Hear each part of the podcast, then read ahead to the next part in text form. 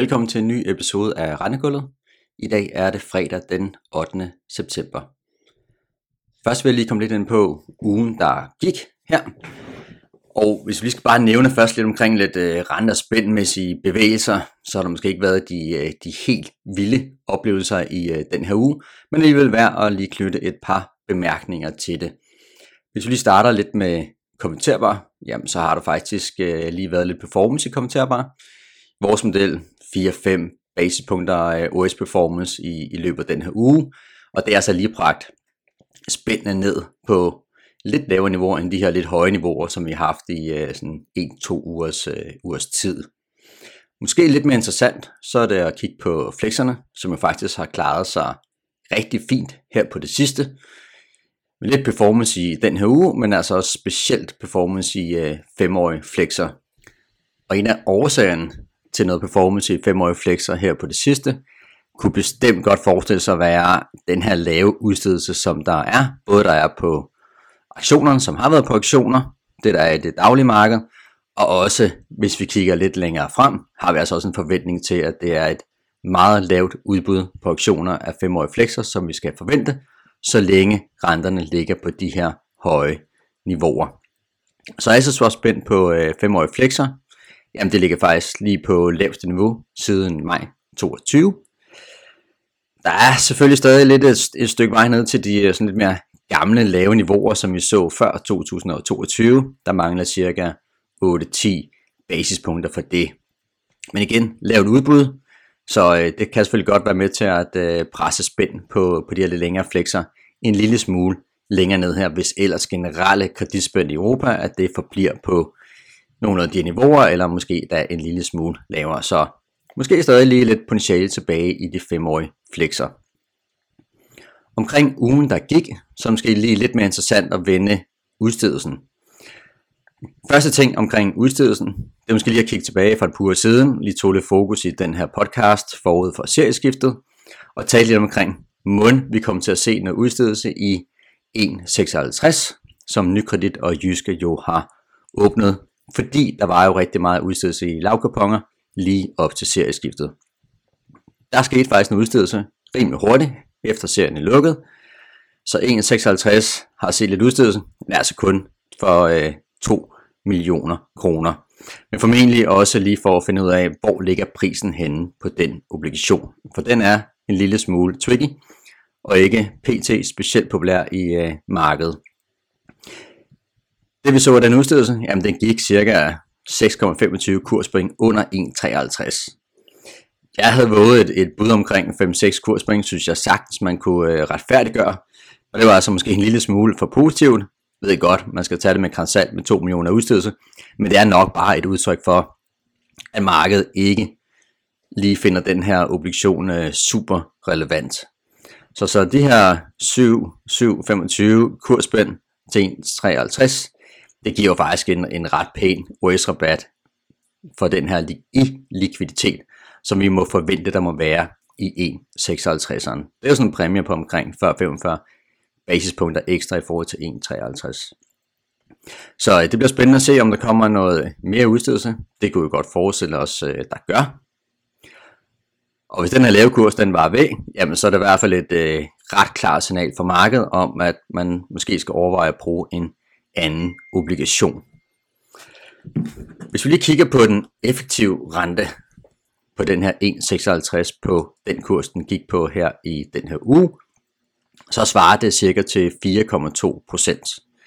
4,56 ligger i dag på en rente på 4,6 procent. Så der er cirka de her 0,4 procentpoint til forskel mellem de her to obligationer. Går vi lige tilbage før serieskiftet, der var forskellen i 1,53 mod 4,53 faktisk på 0,7 procentpoint. Så der var altså no- nogle større argumenter for, hvorfor man skulle vælge en øh, 1,53 end det, der er tilfældet i dag. Så kan man sige, hvad, hvad er ental på even-kursen i 1,56, så den handler med en den samme eller højere rente end 4,56. Og det er faktisk lige omkring kurs 60 i 1,56'eren. Altså lige knap 4 kurspoint lavere end det, som den, øh, den gik på her i den her lille udstedelse, og som vil svare til cirka 9 kurspoint lavere end 1,53. Og det er jo interessant, fordi forventningen fremadrettet er jo, at det er primært almindelige låntager, der har et ønske slash krav om at have en udstedelse i den lavest mulige yield, som kunne tænke sig at lave udstedelse i de her 1,56'er. Så hvis vi bare ser tre kurspoint, og det er ikke bare, det er jo en pæn bevægelse, at det der prisningen skal ligge i 1,56'eren, tre kurspoint lavere end det vi så her senest her, så, øh, så har vi faktisk en yield, som gør, at øh, det faktisk er billigere for låntager at tage et lån i 4,56. Sker det, jamen så vil det selvfølgelig sætte en øh, forholdsvis effektiv stopper for potentiel udstedelse i 1,56'eren. Så det bliver selvfølgelig super interessant at se. Nu handler 1,56 jo på et øh, rigtig lavt kursniveau. Og der er selvfølgelig lige nogle interessante teoretiske effekter, som man lige skal have med i baghovedet, når man øh, diskuterer, om den skal handle i endnu lavere kurs. Fordi jo lavere kurs, jamen jo mere effekt har yderligere et kurspoint lavere kurs faktisk på yielden. Og vi er nemlig nået ned i nogle øh, kurser i de her 1,56, hvor den her effekt, jamen den begynder sådan at accelerere godt og grundigt. For eksempel, hvis vi starter på kurs 64 og ser, hvor meget stiger yielden, hvis kursen falder yderligere to kurspoint, så stiger yielden ca. 25 basispunkter. Hvis nu kursen i stedet hedder 52 og falder til 50, altså to kurspoint lavere igen, jamen så vil yielden faktisk stige med 35 basispunkter. Så altså 10 basispunkter større impact på yielden, når kursen hedder 52 i stedet for 64. Og det er så faktisk sådan lige her omkring de her kursniveauer, hvor 1,56 er på nu, at det her virkelig vil begynde at, øh, at batte.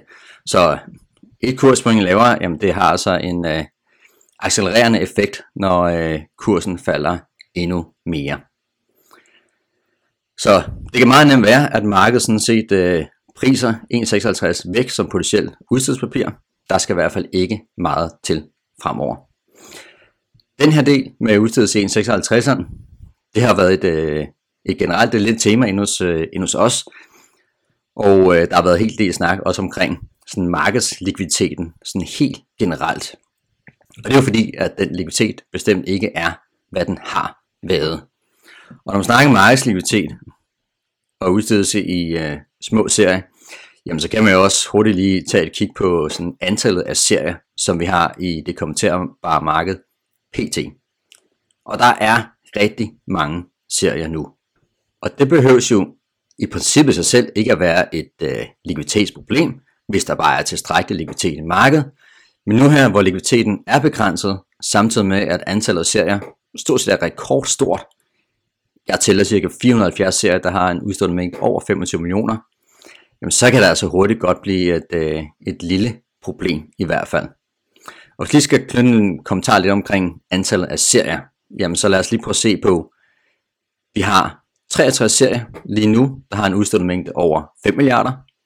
5 milliarder er sandt at se på, fordi det er der, man potentielt kan begynde at tælle med i øh, vægtningen af grupperne i nykredits realindeks.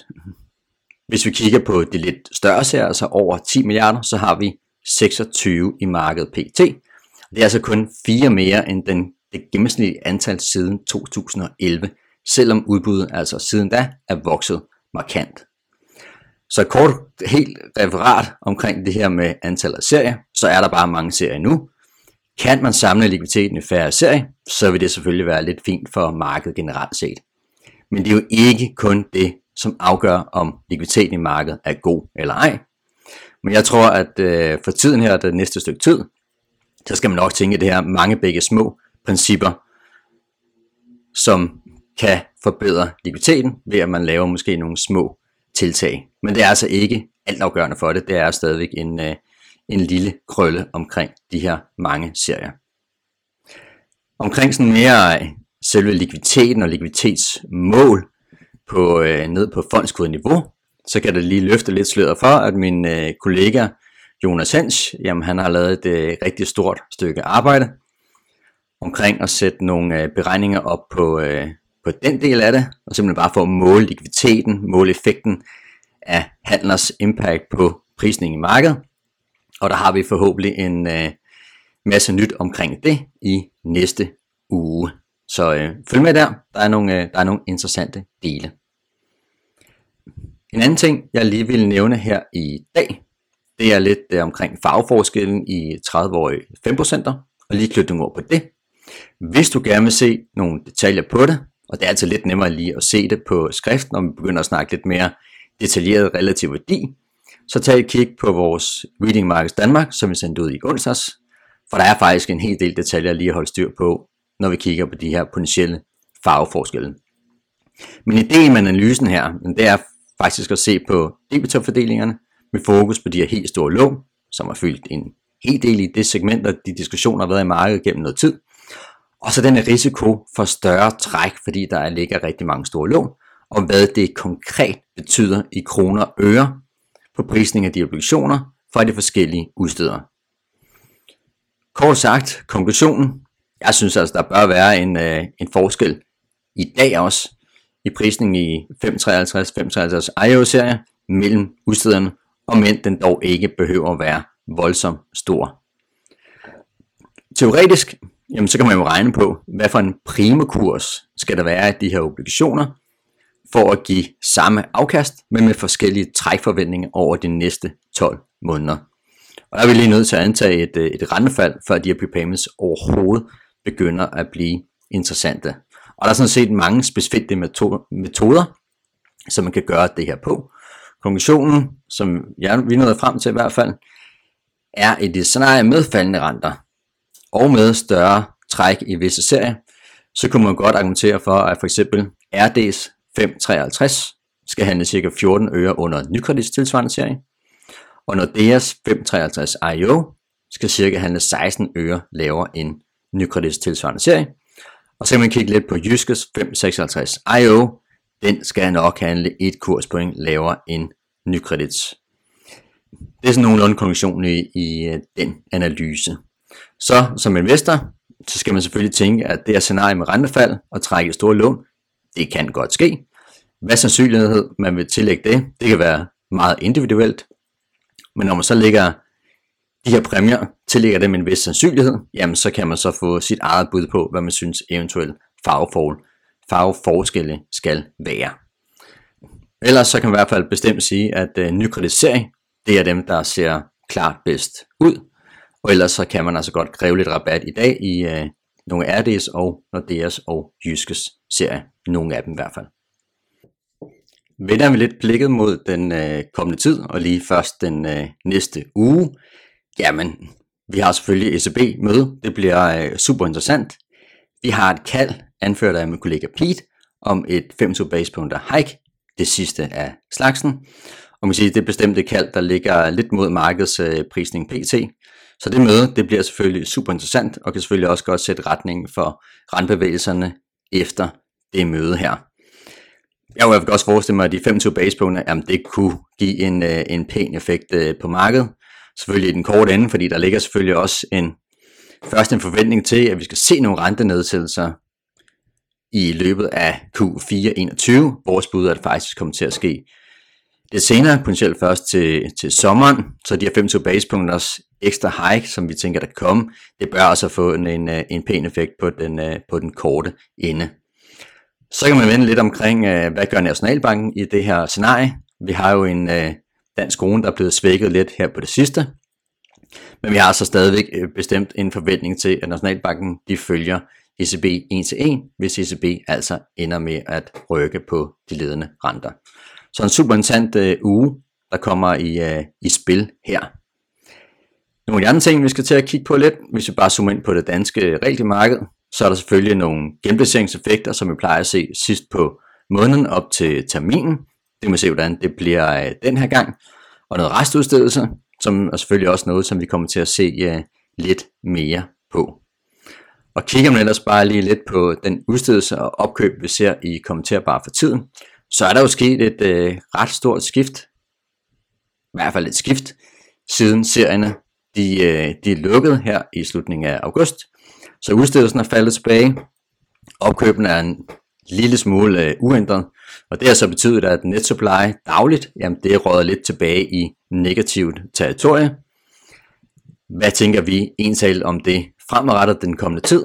Jamen, der er sådan set forventning, at vi nok skal se net supply være lidt positiv, lidt omkring 0, nogle dage måske en lille smule negativt, men altså lidt mest akkumulerende mod et øh, positivt tal hen over kvartalet. Så altså ikke nogen voldsomt store ændringer er vores forventning her den kommende tid. Det var alt, jeg ville lige ville tage med i øh, dag. Tak fordi du lyttede med, og have en rigtig god weekend.